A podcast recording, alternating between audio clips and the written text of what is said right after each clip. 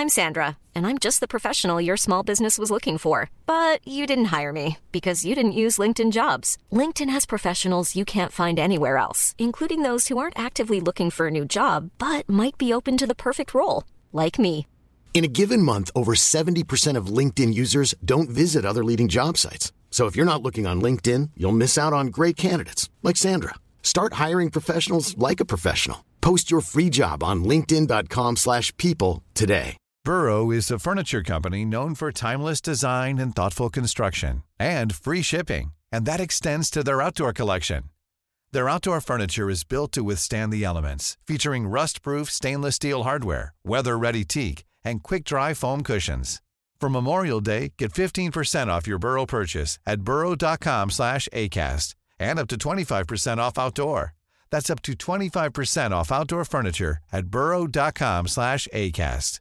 When you're ready to pop the question, the last thing you want to do is second guess the ring.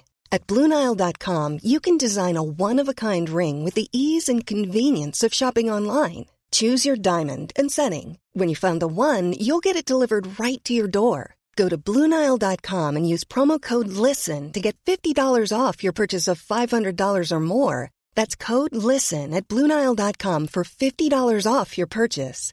Bluenile.com code LISTEN. Det perfekte offeret. Én av fem kvinner opplever voldtekt. seksuelle handlinger mot meg mens jeg var bevisstløs. Det ødelegger liv. Så kvelte han meg. Ingen snakker om det. Han tvang meg veldig masse til å ha sex med han. Det var 180 jenter involvert. Det var mange som sliter resten av livet med det. Eh, Jeg husker veldig godt at jeg sa nei. Jeg ønsker ikke at det skal skje med noen. Norge er en lekegrind for vold og overgrepsmenn. Det er altfor mange historier. Hjertelig velkommen til årets første podkastepisode i Det perfekte offeret. Jeg håper virkelig at dere har hatt en fin start på nyåret. Og jeg føler at eh, den måten nyåret starta på, med alle disse drapene og partnerdrapene og kvinnene som har mista livet, så viser det bare hvor vanvittig viktig denne podkasten er. Voldtekt og overgrep er så sinnssykt viktig. Og det er så viktig å snakke om det som er tabu, det er så viktig å snakke om det som er vanskelig. Og det er nettopp derfor jeg har denne podkasten her. Fordi det perfekte offeret, det finnes ikke. Det er ingen som er det perfekte offeret. Det, det, det er ikke noe som heter det. Det. Det er så mange som tenker der at hvis at du er sånn og sånn og sånn, så vil du på en måte være et perfekt offer. Eller at hvis du går, for, går med for lite skjørt Vi har alle hørt den historien der. Det gjør deg ikke til et offer. Man går ikke rundt og er et offer. Skammen og skylden den ligger hos gjerningspersonen. Og det, du velger ikke å bli voldtatt. Man blir voldtatt. Og det er kun gjerningspersonen som skal sitte med skammen og skyldfølelsen, ikke hos offeret. Og nå er jeg klar for en ny sesong med nye gjester. Og hvis du ønsker å gjeste podkasten i 2024, så kan du sende meg en melding på Det perfekte offeret på Instagram. Eh, og så skal jeg lage plass til deg i podkasten, for her er alle hjertelig velkommen til å dele sin historie. For din historie er viktig, og din historie kan gjøre en forskjell. I dag skal Tina gjeste med sin historie fra et voldelig forhold. Og tusen, tusen takk, Tina, for at du deler din historie. Historien din er vanvittig viktig og en sinnssykt sterk historie. Og eh, jeg satt med tårer når jeg hørte gjennom episoden, fordi det er en tung historie som det er helt enormt viktig at du deler den, og det settes så stor pris på at du ønsker å bruke stemmen din for å hjelpe andre som trenger å høre akkurat din historie. Og husk at eh, stemmene våre er viktig. Det er kun taushet som tar liv. Det er så viktig at vi prater om tingene her. Så nå, la oss slutte til historien til Tina. Nei, i eh, 2020 så traff jeg jo den jeg trodde var den ultimate drømmemannen. Mm. Ikke i person, men det såkalte forholdet eller relasjonen foregikk eh, via sosiale medier og på nett. Så jeg ble jo ekstremt betatt, fordi han sa alltid de rette tingene. Mm. Og visste alltid hva han skulle si, uansett hva dag jeg hadde. og han støtta meg fullt ut i alt og hadde Og jeg tenker det er en fin ting, men det som var at det var måten han gjorde det på, som Ja. var så intenst og ekstremt. Og eh, jeg var Altså, han satte meg så høyt på en pedestall at uh, Altså, jeg tenkte at nå nå er det nå, altså Jeg er den eneste i verden for han. Jeg Mm. er så heldig, og, og hvordan går dette an? Og eh, jeg fikk litt sånn skylapper sjøl, må jeg si. Fordi Mm. eh, han var jo per definisjon perfekt. Og altså, han sendte Og jeg tenker igjen det er en søt ting. Så jeg, jeg vil ikke at folk skal tenke at sånne ting skal man ikke gjøre. fordi se for deg at dette var veldig ekstremt. At det var det var ikke bare litt og av og til, men det var mer sånn typ hele døgnet. Um, Men han sendte dikt og altså, poesi og sanger og alt som bekrefter hans kjærlighet overfor meg, um, til tross for ikke å ha møtt meg. Mm. Du følte deg på en måte veldig Ja. elska? Veldig elska. Jeg følte meg så spesiell, og det gjør du ofte i det som de kaller for en sånn lovebombing-fase, Ja. da. Som du sikkert har hørt om. Ehm, så det var direkte lovebombing, da. Det er, som jeg prøver å si òg, at det er en stor skille mellom lovebombing og vanlig anerkjennelse og vanlig støtte, og noe som jeg tenker bør komme litt inn i forholdet. At man starter ikke et forhold umiddelbart. Eller at du bare snakket med noen i et par dager, og, og så kommer det ut av ingenting, bare alle disse her eh, erklæringene og Ja. Ikke sant? Så det gjorde han. Og for meg som da i den perioden var nokså utsulta på akkurat det, noe jeg tror han forsto veldig kjapt òg, Mm. det passer det jo helt fint. Han uh, bodde i, uh, i London, og eh, det ble sånn at jeg, jeg skulle på en konsert der, Mm. og jeg tenkte og Jeg sa til ham kan du treffes. Eh, og det, det ville han jo veldig gjerne. Altså, det var egentlig han som foreslo det først, men jeg tenkte i, i den anledning da, at jeg skulle eh, se den konserten. Mm. Så jeg traff han da i februar i 2020. Ganske så umiddelbart etter at jeg hadde landa og sjekka inn. Eh, Så jeg ville jo opp, og jeg ville slappe av. Og jeg sa at eh, du kan bli med. Og, men jeg skjønner at jeg, jeg er trøtt, og jeg er sliten, og jeg har ikke lyst til å gjøre så veldig mye. Og da eh, merka jeg jo at han allerede da ble litt sånn irritabel Mm. han på en måte ikke fikk viljen sin, og eh, da ble han Altså, han ble syden. Som om han måtte allerede hadde forventninger fra før av. Han hadde det med en gang. Mm. Um, og han sa jo veldig mye sånn før vi traff hverandre òg, at jeg skal gjøre det og det når vi treffes, og um, jeg kommer ikke til å klare å la være, og så videre. Så sa jeg at men det, det er noe jeg må se an. Mm. Uh, så jeg følte jo Altså, vi gikk opp, og jeg kjente jo et press med en gang. Og det var og Sånn som jeg var da, for noen år, eh, fire år siden nesten, så, så var jeg ikke så god til å sette grenser. Og jeg var ikke så god til å si nei. For jeg fikk Mm. dårlig samvittighet, eller jeg følte jeg gjorde noe galt, eller at jeg skuffa eller såra den personen hvis jeg, hvis jeg sa nei. Ja. Så jeg, eh, jeg ga jo inn eh, ganske kjapt. Og jeg merka allerede da, første gang, at han var nokså hensynsløs, hvis jeg kan si det sånn, da. Mm. Og, og tilnærmet hardhendt og veldig egoistisk. Eh, og det ble jo bare til at eh, jeg var der et par dager, og jeg skjønte at Du vet når du har bygd opp noe Mm. i ditt eget hode, og, og jeg hadde ikke lyst å gi slipp på det heller. Jeg tenkte at Vi hadde snakket i noen måneder, og det hadde blitt en sånn stor greie. Og jeg hadde hypa han opp sant, til vennene mine. og alt sånt. Du hadde på en måte en fantasi i hodet ditt på hvordan dette her ville bli. Ja, Ja. ja. Uh, og jeg holdt ganske fast på den, Mm. den fantasien, eller hva det kunne bli, og, og at, eh, at han kunne bli bedre, eller at eh, han kunne endre seg litt. Eh, Mm. gjerne til studiene og alt sånt. Det, det som er at eh, nummer én aldri hype de opp så veldig mye.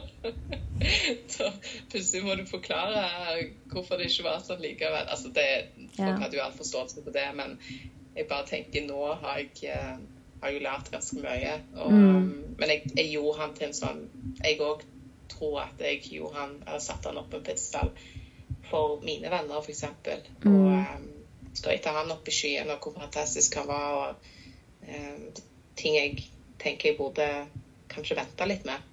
Mm. Eh, men sånn var det, og det, det er jo det er forståelig i og med at jeg var i den situasjonen som jeg var. Ja. Så, så, det, så det gikk OK de dagene i, i, når jeg var i London. Og allikevel så følte jeg på sånn ubehag. At det var ikke naturlig. Og det var, det var påtvunget. Og det var Jeg var ikke komfortabel rundt han, egentlig. Nei. Så alt i alt ikke den beste opplevelsen. Um, når jeg reiste hjem, så ble jeg nedringt. Altså bare etter jeg sa ha det til han og stakk til flyplassen for å reise hjem. Mm. Og da så jeg allerede folk sprang rundt med munnbind, og det var litt sånn hysteri rundt covid, og det var Mhm. helt nytt. Uh, og da ringte han meg og sa at uh, jeg booker fly til Stavanger. Og jeg kjente åh, nei, ja, gud, hva sier jeg? Ja. Eh, og så var det jo den der igjen, det som jeg forklarte nå nettopp, at vi holder fast ved noe og håper det skal endre seg eller bli bedre, og det er hypa opp, og det er sånn og det er sånn, og nå må jeg jo nesten gi det en sjanse, tenkte jeg. Ja. Så jeg gjorde det. Um, jeg sa det er greit, du, du kommer, du kan bo hos meg i min leilighet i et par dager, maks. Og jeg hadde òg jobb. Um, jeg holdt på med mine ting. Så, så det var avtalen. Han skulle være jeg tror det var fem dager, hvis jeg ikke tar helt feil nå. Mm. Og I og med at dette var i slutten av februar, så kom, eh, da besøkte han meg i begynnelsen av mars. Og um, da hadde jo det begynt å spre seg enda mer, det hysteriet rundt covid, og Mm. at det ble tatt inn til Norge. ja. Eh, så alle husker jo det, hvordan det var. Um, og karantene, ikke minst. Ja. Så når han, ja, så når han kom eh, og besøkte meg, så hadde jo ikke disse her transportmidlene ennå blitt kansellert. Både ut og innenlands. Og alt var jo eh, oppe og gikk Mm. Og så husker jeg at eh, dagen før han skulle reise hjem, så var det plutselig altså på nyhetene, og det skulle bli karantene, og det var lockdown. bare sånn, Det skjedde jo ganske akutt. Ja. Um, altså Folk var på kino og måtte plutselig bare ut av kinosalen og filme. altså det, Sånn var det jo. Ja, Folk stemmer. gikk uh, jeg dekka seg totalt. Jeg gikk, uh, gikk med hazmat-suits inn på Rema 1000 og handla, så jeg husker sånn gassmaske. Ja, det, det er ikke løye å tenke på. Det var litt av ei tid. Hva sa du? Det var litt av ei tid. Det var litt av ei tid. Um, så vi, vi ga jo inn det. Altså, jeg, jeg kjente jo på det sjøl. Jeg ble redd. Jeg husker at uh, søsteren min var på besøk òg, og det var sånn Nei, du må hjem. Jeg, vi må gå og handle. og uh, og jeg, jeg tok jo meg sjøl i å være litt teit. Men at jeg begynte med, med en gang å stresse over at det skulle være mangel på toalettpapir og alt sånne ting. Så Mm. jeg sånn rett i butikken og handla. Og han ble med. Og da var han faktisk ganske støttende og snill. Mm. Eh, og vi var innstilt på at eh, han ikke skulle få reise igjen. Og jeg tenkte der og da at vi må bare komme oss gjennom dette. Jeg må komme meg gjennom det. Og de dagene han hadde allerede vært der, gikk stort sett greit. Mm. Det var ikke like mye ubehag som jeg skjønte da når jeg var i London sjøl. Jeg tror det for jeg hadde litt mer kontroll. Ja. Mm. Og så, så fikk jo han melding av SAS at eh, flyet var kansellert. Som sagt dagen før han skulle reise hjem òg. Det er så rart. for Det var, det Mm. var som dagen før da, det var da det ble eh, lockdown og karantene og alt det her. Ja. Og øh, jeg skulle ønske at at han bare reiste hjem to dager før, f.eks., så hadde jo ingenting hadde skjedd. Nei. Det som jeg, eh, som jeg opplevde, som jeg skal fortelle. Og vi gikk og handla, og vi var da offisielt i eh, karantene i sammen. Mm. Både fordi jeg nettopp hadde reist hjem fra London, og fordi han nettopp hadde kommet derifra. Sånn at eh, det tok et par dager med at vi var innestengt i sammen. Så eh, han visste jo som sagt ikke når han skulle reise hjem igjen. Det var ingen informasjon å få. Jeg ble permittert. Og så begynte det. Han, eh, han begynte å bli ekstremt sjalu og ekstremt kontrollerende. Mm. Til et punkt der eh, jeg ikke fikk lov å ha min egen mobil på meg sjøl. Den måtte han ha hele tida. Eh, han endte opp med å være hos meg i tre måneder, det som skulle bare være fem-seks dager. Og de tre månedene så var jeg permittert, og det var lockdown. De fleste var jo det. Ingenting Mm. var åpent. Igjen, folk husker jo hvordan det var. Ja. Transportmidler inn utenlands. Alt bare var dødt. Og folk var redde. Folk torde ikke å nærme seg hverandre. Og det var et massivt hysteri rundt det òg. Og jeg var dessverre gravid. Eh, fant jeg jo ut etter at han hadde At det ble uh, avslutta. Mm. så det var mye som foregikk de tre månedene eh, der jeg eh, følte på total håpløshet i form av den eskalerende eh, sjalu oppførselen hans og eh, hvordan han styrte meg eh, og alt som skjedde rundt meg de tre månedene. Jeg måtte sjekke inn til venner med under hans kontroll at jeg skrev til dem at jeg har det fint, selv om jeg ikke ringer dere og snakker med dere og sånt, men uh, alt går greit. og han starta sånn, og så starta han med det fysiske ganske kort tid. Jeg tror det gikk to uker før han var fysisk med meg første gang. Og da husker jeg at eh, han var veldig sint fordi jeg hadde plassert noen brev som han skrev til meg eh, før vi traff hverandre. Jeg hadde plassert dem på feil sted. Han mente at eh, der skulle ikke de brevene være, Mm. mener jeg.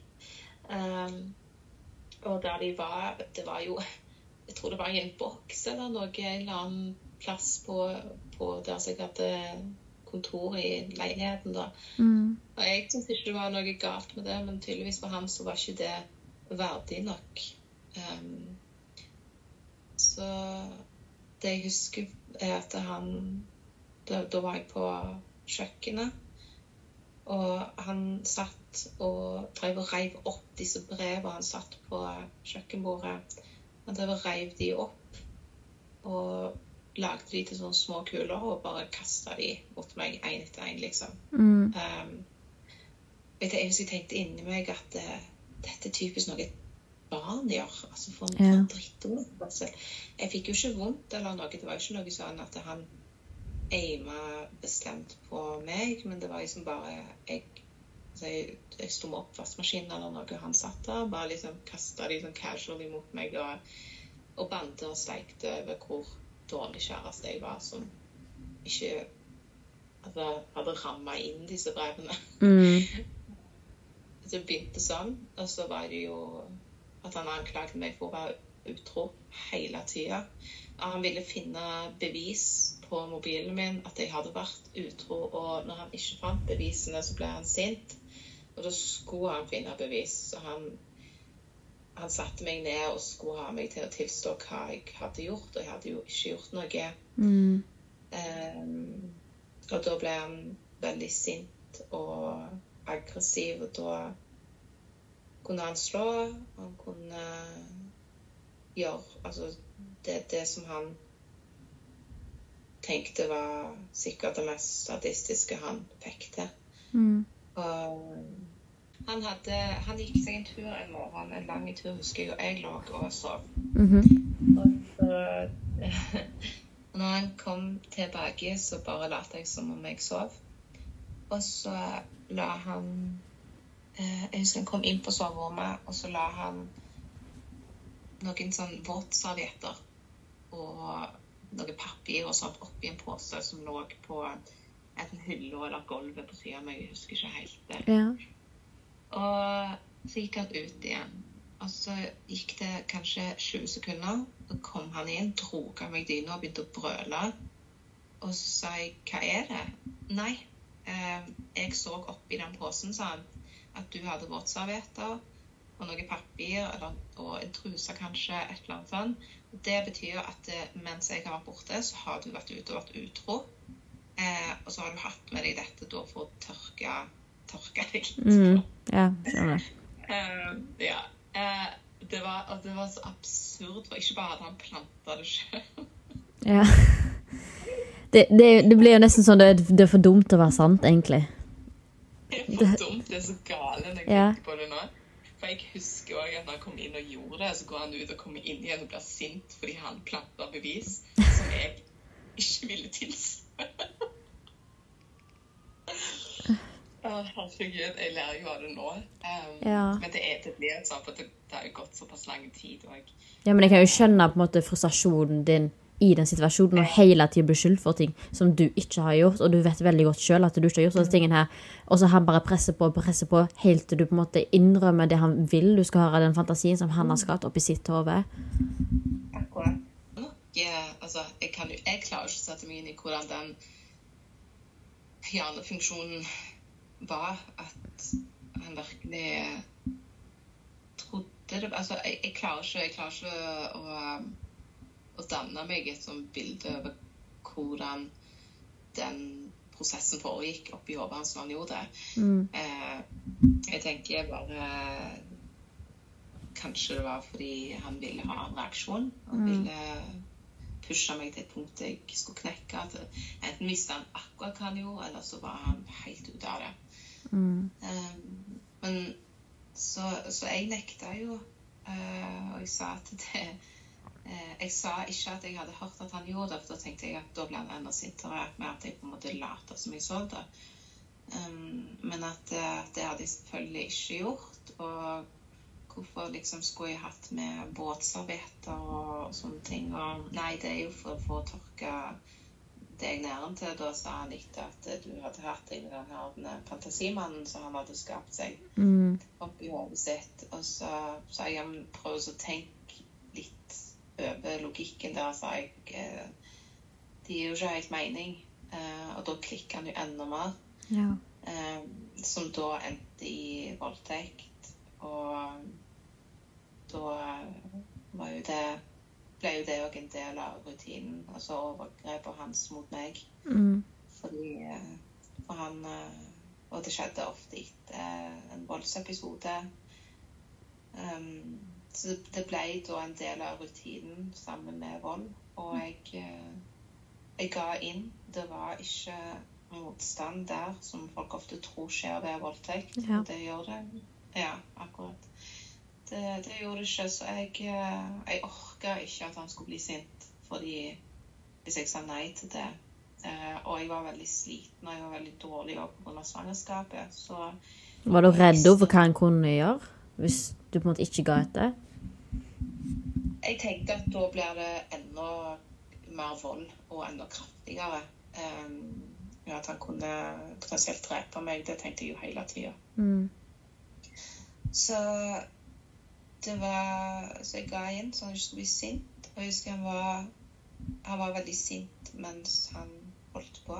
Og jeg var bare eh, et dødt lik, holdt jeg på å si. Jeg lå der. Eh, jeg eh, distanserte meg fra det som skjedde, og skapte noen alternativ plass der jeg var. Og på en måte drømte meg litt vekk der. Og, og tenkte det var som min go to-plass. Jeg lagde meg ei hytte i skogen med meg med kattene mine, og der jeg var omringet av fine ting og sånn. Og der satt jeg da på trappa utenfor mens han gjorde dette mot meg. Mm. Um, han sa at kroppen min var hans og tilhørte han. Og, og at jeg aldri kom til å um, At den aldri kom til Uansett hva som skjer, så kommer ikke kroppen min til å være min igjen. Og det gjorde jo etterpå at jeg eh, Jeg ville jo rive av meg huden. Jeg satt ofte og dusjte og på en måte ville dusje det av meg. Og Mm. følte meg veldig ekkel, rett og slett, ganske lenge. Um, så var det jo igjen Jeg, eh, jeg var som sagt gravid, og jeg husker i Trygland, da hadde de begynt å åpne litt opp noen plasser, tror jeg, noen apotek og liksom noen butikker. Så jeg husker i Trygland om å få lov til å, å kjøpe en test, da. Ja. Uh, han, jeg tror han visste at jeg var det, og han ville ikke at jeg skulle ta abort. For han ville jo alltid ha en sånn tilgang til meg via det. Ja. Ja. Eh, Babytrapping, som de kaller det, jeg tror. Ja, mange er stemmer. Ja. Eh, Så til slutt sa han seg enig i at vi kunne kjøre til nærmeste kjøpesenter og kjøpe en test. Og da skulle han selvfølgelig bli med. Mm. Eh, og på vei bort husker jeg at eh, han begynte veldig kjapt. Det var som i en rundkjøring. Så begynte han med å eh, holde meg på øynene og plage meg og sånn mens jeg kjørte. Eh, og da, når vi gikk ut av leiligheten og skulle inn i bilen, så var naboene de var ute og holdt på i hagen. De holdt på med noen blomster i bedet og sånne ting. Mm. Og jeg tenkte bare OK, der er de, og de kommer til å holde på en stund. Jeg hadde det i bakhodet. Mm. Eh, og hun som bodde eh, nærmest meg i den eh, Det var ikke blokk, men det var sånn type eh, sånn rekkehus, altså både opp og nede. Eh, og hun som bodde nærmest meg, hun hadde jo fått med seg dette eh, Mm. hele tida mens det, mens det foregikk. Og jeg vil ikke begynne å gå inn på sånn hvorfor varsla ikke hun eh, myndighetene og sånn, for det, det er en, a- et annet tema, tenker jeg. Og, Ja. og det er ikke alltid det letteste heller, fordi ja, det, det er mange faktorer som spiller inn der. Men poenget er at eh, jeg hadde jo snakket mye med hun òg. Um, altså hun visste egentlig hva som foregikk, iallfall sånn Ryan Reynolds here from Mint Mobile. With the price of just about everything going up during inflation, we thought we'd bring our prices down. So to help us, we brought in a reverse auctioneer, which is apparently a thing. Mint Mobile unlimited premium wireless. Ready to get 30, 30, bit to get 30, bit to get 20, 20, 20, bit to get 20, 20, bit to get 15, 15, 15, 15 just 15 bucks a month. So, Give it a try at mintmobile.com slash switch. $45 upfront for three months plus taxes and fees. Promo rate for new customers for limited time. Unlimited more than 40 gigabytes per month. Slows. Full terms at mintmobile.com. There's never been a faster or easier way to start your weight loss journey than with PlushCare. PlushCare accepts most insurance plans and gives you online access to board-certified physicians who can prescribe FDA-approved weight loss medications like Wigovi and Zepbound for those who qualify. Take charge of your health and speak with a board-certified physician about a weight loss plan that's right for you. Get started today at plushcare.com slash weight loss. That's plushcare.com slash weight loss. plushcare.com slash weight loss. veis da, og de hadde hørt Mm. Så jeg husker jeg fikk en sånn blikkontakt med hun når vi gikk når vi skulle gå og skulle sette oss inn i bilen. Um, og hun så jo at jeg Jeg så jo helt jævlig ut.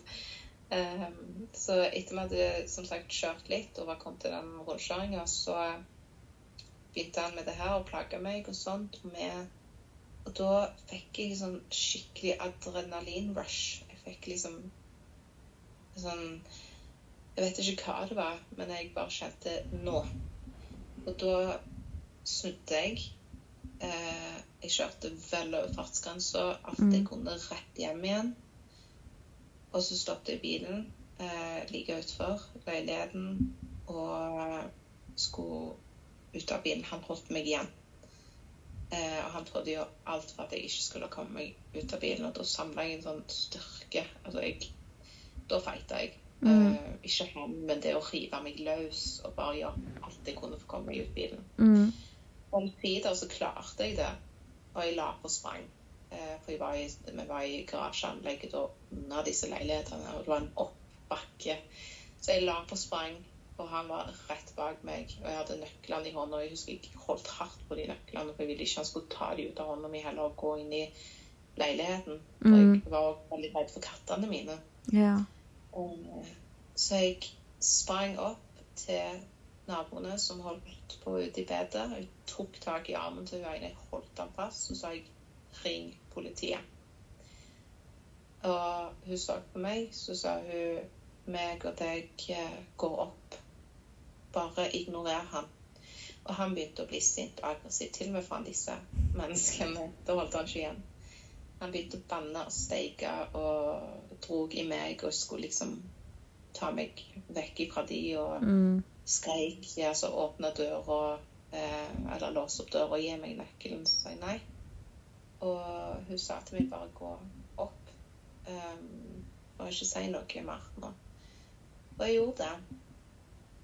Og det hele endte i at uh, politiet Det som er så løye, for jeg, jeg hadde så traumebånd til han at jeg ville jo ikke de skulle være slemme med han. Jeg ville ikke de skulle gjøre noen ting slemt eller arrestere han eller noe sånt. Jeg ville når vi ringte de, så ville jeg egentlig bare ha litt råd og veiledning for hvordan jeg kunne kvitte meg med han på en måte. At jeg, Mm.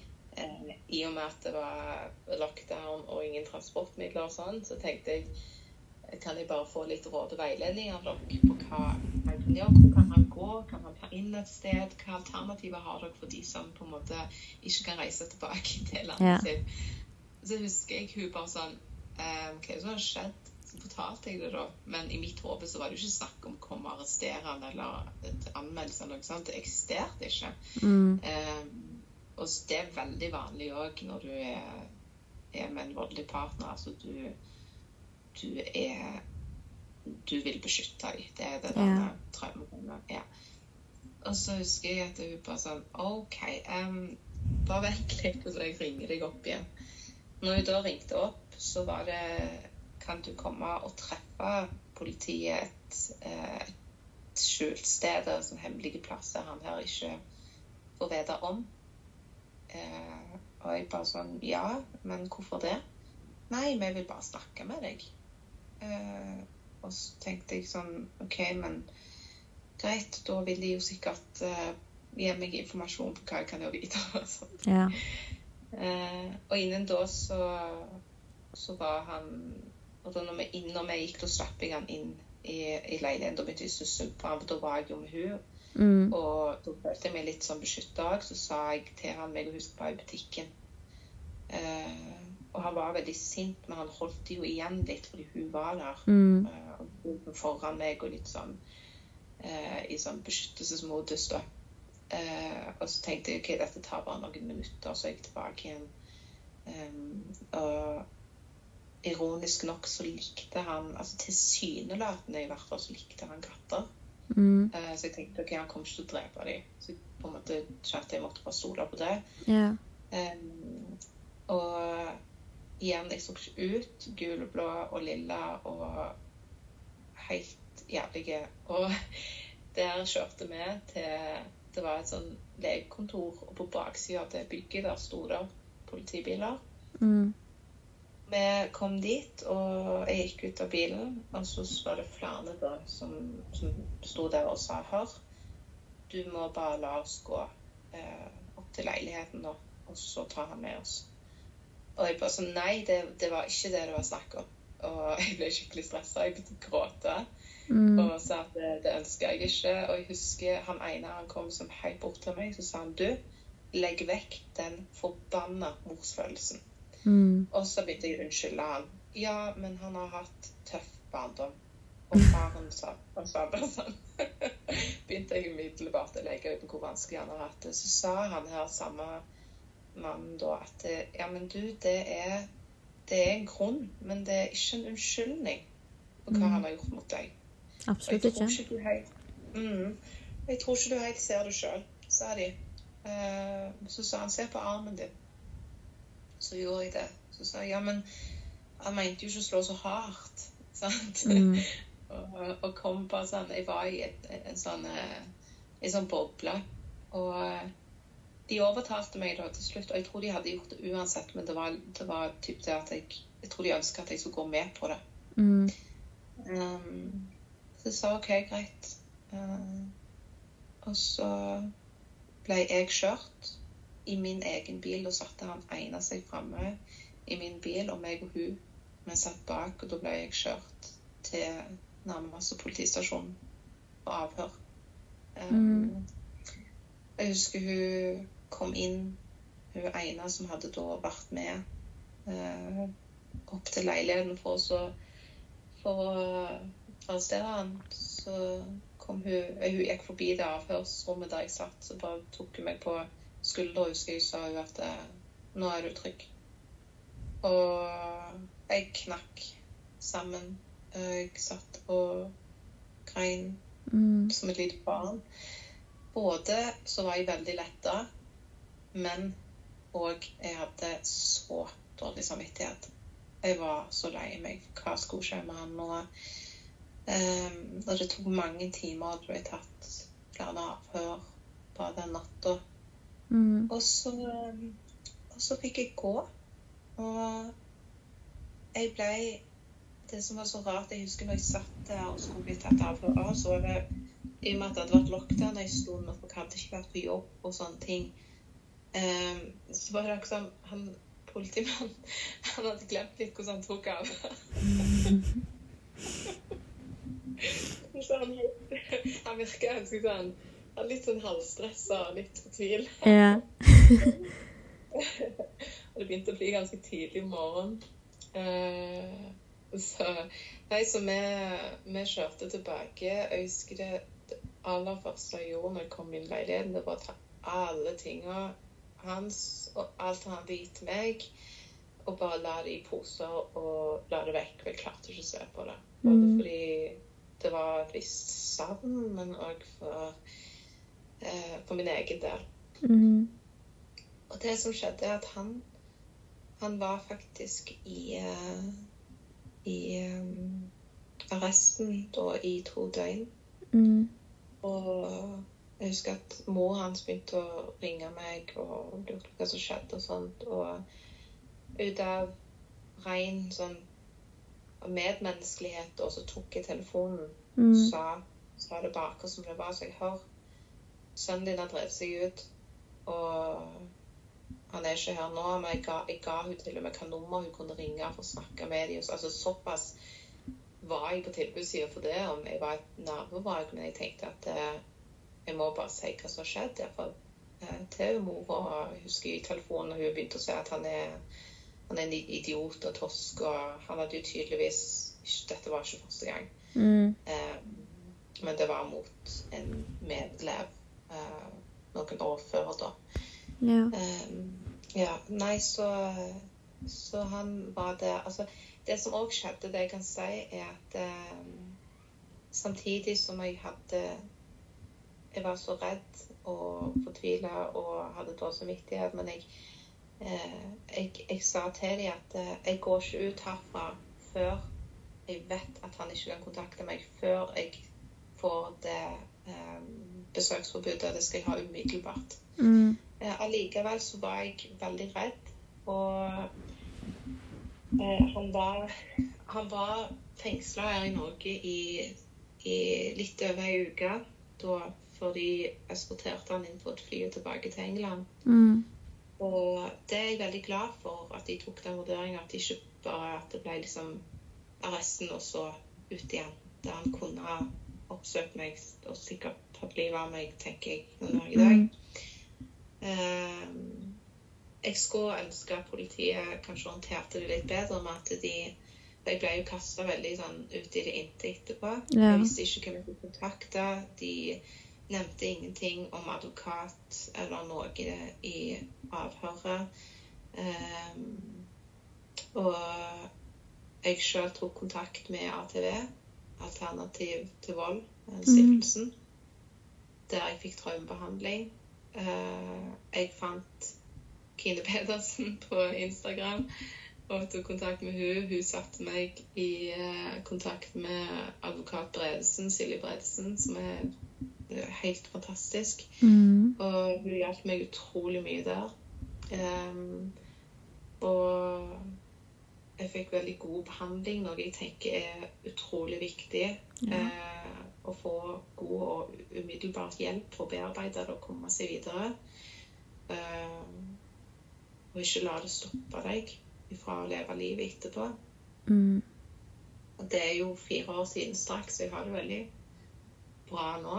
Mm. Eh, men det har jo dessverre ikke vært det eneste dårlige forholdet jeg har vært i. Og jeg tenker at det, det tar et par forsøk. Um, ofte når du har vært i et sånt forhold, så, så skjer det jo at du havner i flere. Yeah. Um, det som er viktig da, tenker jeg, er å prøve å bryte det mønsteret og ikke gå i de samme sporene etterpå. Um, Absolutt. Sette seg sjøl først. Og ofte vi som har opplevd sånne ting, har glemt oss sjøl ut eh, litt. Og Mm. har eh, fått grensene våre helt ødelagte. Mm. Um, så det òg er noe man skal øve på, tenker jeg. Og som dere sikkert vet, så har det jo vært flere drap som har rysta landet vårt siden 2024. Og minst ett av de drapene var varsla drap. Derfor uh, trygla politiet om omvendt voldsalarm er flere ganger uten hell. Spesielt fordi eksen brøt besøksforbudet mange ganger. Og derfor legger vi jo nå et stort press på myndighetene for å oppnå et større bruk av omvendt Mm. voldsalarm. Eh, og som jeg sier, så burde dette, og jeg har sagt mange ganger, så burde dette vært eh, et aktivt tiltak og ikke et sjeldent unntak. Mm, absolutt. Fordi ja, eh, kvinner mister jo livet fordi myndighetene ofte vurderer at risikoen blant voldsutøvere og de med historikk er lav. Og at oddsen for at de faktisk utfører en grov eh, handling mot sin eks, er nærmest ikke-eksisterende. Det er sykt hvor mange liv som må gå tapt før man på en måte ser hvor alvorlig dette faktisk er. da. Det er nettopp Og hvor mange av de som faktisk kunne vært unngått. Det er jo Det skremmende. mange Ja, ja, ja. Og tror, tror alle, eller de fleste, kunne vært unngått hadde de Ja. eh, rette tiltak og blitt satt i gang. For altså, det er ingen som vet bedre enn offeret sjøl hvor stor risiko det faktisk er. Mm, nettopp. Sant? Og, og, og hør nå på den som faktisk har stått i et forhold med det sinnssyke individet. Mm. Um, og med dette så tenker jeg jo at på en måte at jeg er heldig at han som utsatte meg for de stygge gjerningene i 2020, faktisk bor i England og ikke kan nå meg på den samme måten jeg er sikker på at han ville gjort eh, hvis han hadde bodd i nærheten av meg. Men har han prøvd i etterkant? Ja, det har han. Altså, han, eh, han dreit jo i alt som heter kontakt- og besøksforbud. Han ringte meg ned, og han brøt eh, kontaktforbudet nesten hver dag og stalka meg lenge på sosiale medier. Han ringte med skjult nummer, og jeg husker eh, jeg tok kontakt med eh, teleoperatøren min og, og sa at eh, spurte om de kunne For det vet jeg går an, altså blokkere et visst nummer. Eh, men han, han hadde alternative måter å nå meg på, så det nytta ikke. Eh, han var ekstremt truende. Han fikk jo ingen konsekvenser for dette heller, annet enn fornying av kontakt eller eh, besøksforbud. Og det var jo til ingen nytte eh, likevel. Mm. Eh, for det som er at når jeg var fanga med han, så sa han at dersom Hvis jeg slår opp med han når han reiser hjem, så sa han, så brettet han ut planen sin. Og planen hans var at han skulle uansett flytte til Stavanger, om vi Mm. var sammen eller ikke, for å vie livet sitt, ifølge han, eh, til å gjøre mitt vanskeligst mulig. Han sa at han skulle alltid være der jeg er, følge etter meg, ødelegge nye forhold, at han skulle bli venner med mine venner, eller via via, altså eh, for alltid ha styr. Og han påpekte eh, til og med hvem som han, eh, eller ifølge han, eh, var gullible, altså det var ordet han brukte da. Mm. Eh, så han ramste jo opp hvem liksom, han ville da eh, som var så godtroen og naiv nok til å slippe han inn i livet sitt. Og dette kunne være noen som bare var bekjent av meg, ikke engang noen jeg hadde særlig med å gjøre. Men så lenge vedkommende var linka til meg på en eller annen måte, så ville han ha en fot innenfor. Eh, og så utspekulerte er de faktisk. Det er helt sinnssykt. Mm. og han var god til å skryte opp liksom, sine ferdigheter som gjaldt hans evne til å manipulere. Mm. Eh, folk liker han f.eks. og stoler på han. Og det tror jeg er en gjenganger i mishandlere generelt. At de kan få til ting som de vil. Eh, altså De er gode til å vri på historier, de klarer å manipulere narrativet. Mm. Eh, og ta ting totalt ut av kontekst for å fremheve seg sjøl eh, som det egentlige offeret. Eh, og det ser man òg oh, altså, Det som nettopp har vært på TV, han, eh, han bamsegutt altså, det, Ja. det, Oh my god. sant, det er et, et eksempel på en som absolutt ikke er offer, men som blir Ja. eh, fremstilt som det. Er helt kvalmt. Det det er helt sinnssykt. Åh. Ja, eh, og um, altså, de lå- legger ofte en plan fra tidlig av òg. Mm. Eh, de, eh, de ser deg jo an, og de ser hva de eventuelt kan bruke deg til og for. De ser dine svake sider og sterke sider. De finner ut din akilleshæl, og de bruker det på alt det er verdt. Og dette kan de, altså de kan, det kan de gjøre hvis, hvis du f.eks. har noe på dem, eller har funnet ut noe de har eh, sagt og gjort som du vurderer å anmelde, så prøver de å være deg i forkjøpet hvis de er redd for å bli avslørt, eller at andre òg skal finne ut det som du vet. Og de kan dra det så langt som å pushe deg til et punkt du knekker, for så f.eks. bli rolig, ta lydopptak. Sånn at Mm. de kan ja, sende det rundt til folk og si ja, nå ser dere hvor gal hun er, jeg sa det jo. Eller ta bilder av sin såkalte skadde kropp totalt ut av kontekst og skylde det på deg. Ja. Um, og dette er, jo, dette er jo kjent som en såkalt svartekampanje som mishandlere ofte kjører etter at det er slutt. Fordi de har et desperat behov om å bli hørt og trodd. Men ofte skyter de seg selv bare i leken. Ja. Uh, og det er et ordtak det er et ordtak som jeg elsker, og det er um, Give them enough rope and they'll hang themselves. og, og det vil si, la de holde på lenge nok, så ødelegger de fint for seg sjøl helt på egen hånd. Ja. Um, ikke grip inn i prosessen, len deg tilbake. Altså, de har en underbevissthet som stadig pirker på dem og sier at snart kommer sannheten fram. Så Mm. gjør alt du kan. Ja. Men kan jeg bare spørre du som på en måte Jeg har jo ikke erfaring med å være i voldelige forhold. Men hvis man på en måte er i en sånn situasjon, så hvis noen lytter på er i en sånn situasjon nå, hva, hva skal man gjøre hvis man er der? For jeg ville tro at du sitter der med helt håpløshet, at du, du, du føler ikke du har noen ting du, skal gjøre. Du må bare befinne deg i den situasjonen du er i.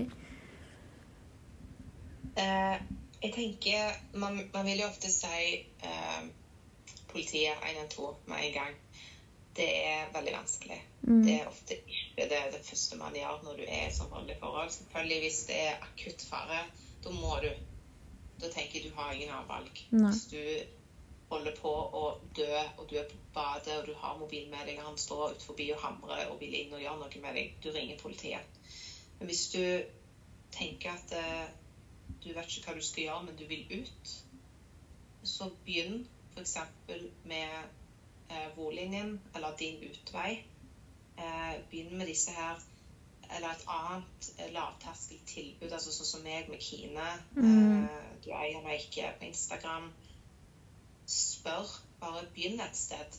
Du trenger ikke å vite akkurat hva du skal gjøre heller, men jeg vet at eh, hvis du bare begynner et sted, så, så får du eh, større impulser, og du får garantert den veiledningen du trenger Mm. å klare å legge en handlingsplan. Så det er alt ut ifra din situasjon. Ofte er voldsutøveren så farlig at eh, det er tryggere å bli. Mm. Eh, og der tenker jeg òg krisesenter er veldig eh, viktige som kan hjelpe deg og veilede deg. Men generelt krisesenter eh, og det hvis du trenger et sted å gå, eh, så er det nærmest krisesenter. Eh, ring støttesenter for kriminalutsatte, få råd og veiledning der. du trenger ikke gjøre noe med en gang. Du trenger ikke ta handling med en gang, eller at det skal være noe anmeldelse umiddelbart. Mm. Bare Jeg tenker en handlingsplan er det første og, og beste her. Ja. Mm. Det var masse gode tips. Jeg tenker det er viktig å få fram hvor andre kan søke hjelp hvis de trenger det. Og trenger noen å snakke med. Ja, så gjør det. Eh, det er iallfall sånn, sånn jeg gjorde. Og, Mm. eh, og ikke bare én gang. Så, og så si det til noen. Gjerne Ofte er det vanskelig å si det til venner og familie. Det er det. Ja. Men uh, hvis det er noen du stoler på, så, så begynn gjerne der. Følte du noen gang på en, måte, en skamfølelse for at du måte har vært glad i denne personen? Overfor familie og venner og sånt? Ja, det var jo det jeg sa helt i begynnelsen, at det er jo den Når du hyper de opp og sånt, og så Mm. eh, er du Jeg kunne jo være flau, og uh, alt det er jo helt fjernt for meg nå. Ja. Eh, for det har gått så så lenge, og det bearbeidet, og det er lagt vekk. Og nå, når jeg gjør dette nå, jeg forteller disse tingene nå, så er det jo for å hjelpe andre. Fordi jeg Mm. vet at det som hjalp meg, var å høre historien til andre. Det ga meg mot, det ga meg motivasjon og styrke. Mm. Så det er kun derfor jeg gjør det. Um, så, så skammen Men husk, det var noe igjen som Kine sa til meg ganske nylig. Mm. Skammen ligger ikke hos deg, og skylden ligger ikke hos deg. Nei, hos Sånn er det. gjerningspersonen. Det er nettopp det. Det han skal ligge, men det er jo ofte offeret som sitter med han, dessverre. Dessverre. Det er det samme. Vi må prøve å si det til oss sjøl. Mm. Legge han der han skal og høre hjemme. Ja, plasser han der. Det er ikke hos deg han skal være. Men sånn som du sa, det, dessverre så, så vil det være sånn om, om så en liten stund så vil det føles Så vil det være skam og skyld. Men det er Mm. absolutt ikke det han tilhører. Nei, det er ikke det. Og hvis du er i en situasjon der de vil ødelegge for deg, så husk at de tror ting kommer til deres fordel, men det slår ofte tilbake på de sjøl. Mm. Og bare stå på ditt, Vit at du sitter med sannheten, og eh, søk støtte rundt de rundt deg, og distanser deg mest mulig ifra vedkommende så godt du bare klarer. Og rop høyt, mas på politiet eh, hvis du trenger hjelp og beskyttelse. Eh, de har bare med å skjerpe seg. Ja, absolutt. De har en lang vei å gå. Men eh, tusen, tusen takk for at du tok deg tiden til å gjeste og fortelle historien din og komme med alle disse rådene og tipsene. Det er kjempe, kjempeviktig at du, du forteller historien din, og jeg tror virkelig at eh, du er en stor stemme for mange kvinner der ute som er i voldelige relasjoner og opplever voldtekt og er disse her forferdelige, forferdelige situasjonene. da så er du virkelig, virkelig en stemme for dem, og det er så viktig at eh, vi prater om disse tingene her, for dette her skjer bak lukka dører, og vi ser jo bare nå hvor mange dette gjelder, og hvor lite seriøst det blir tatt, og hvor mange liv det potensielt tar. Det tar jo ganske mange liv, eh, og det er jo bare fryktelig, og derfor må vi snakke om disse tingene her. Det må vi, og tusen takk for de fine ordene. Og tusen takk for at jeg fikk bli med og for tida di òg. Tusen, tusen takk, Tina, for at du delte din historie. Og jeg syns historien din eh, var det, Jeg syns det er vanskelig å si, men jeg syns historien din passet bra å starte året med, fordi at eh, jeg føler historien din er et bevis på hvorfor det er så viktig å snakke om disse tingene her, og at endringen må skje fordi livet går tapt. Livet går tapt pga. disse voldelige forholdene. Og det er så viktig at man ser og snakker om disse tingene her, og setter ned foten når ting er ikke greit, og man snakker om ting sånn at folk kan få hjelp og komme seg ut av disse forholdene. Og du er et eksempel på at det går an å få det bedre. Det går an å få hjelp. Det går an å komme seg ut av voldelige forhold. Og tusen, tusen hjertelig takk nok en gang for at du delte din historie, Tina. Det, du er så ekstremt viktig, og stemmen din er super, super viktig, og jeg tror det er mange der ute som trenger stemmen din, og du er et forbilde for andre. Og tusen, tusen takk for at du kjemper denne saken her, fordi det er så mange liv som har gått tapt.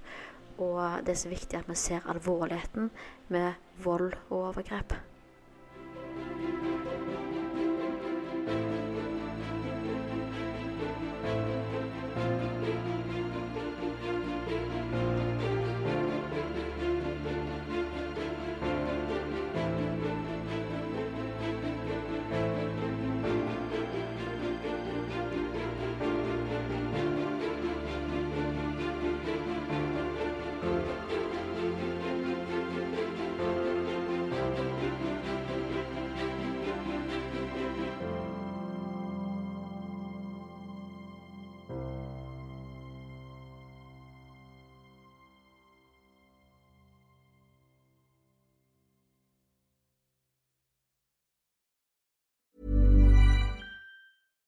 Hi, I'm Daniel, founder of Pretty Litter. Cats and cat owners deserve better than any old fashioned litter. That's why I teamed up with scientists and veterinarians to create Pretty Litter. Its innovative crystal formula has superior odor control and weighs up to 80% less than clay litter.